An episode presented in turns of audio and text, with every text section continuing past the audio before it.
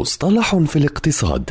في كل حلقة يطرح المدون وصانع المحتوى الاقتصادي مجد النوري مصطلحا اقتصاديا محددا بلغة سهلة وبسيطة.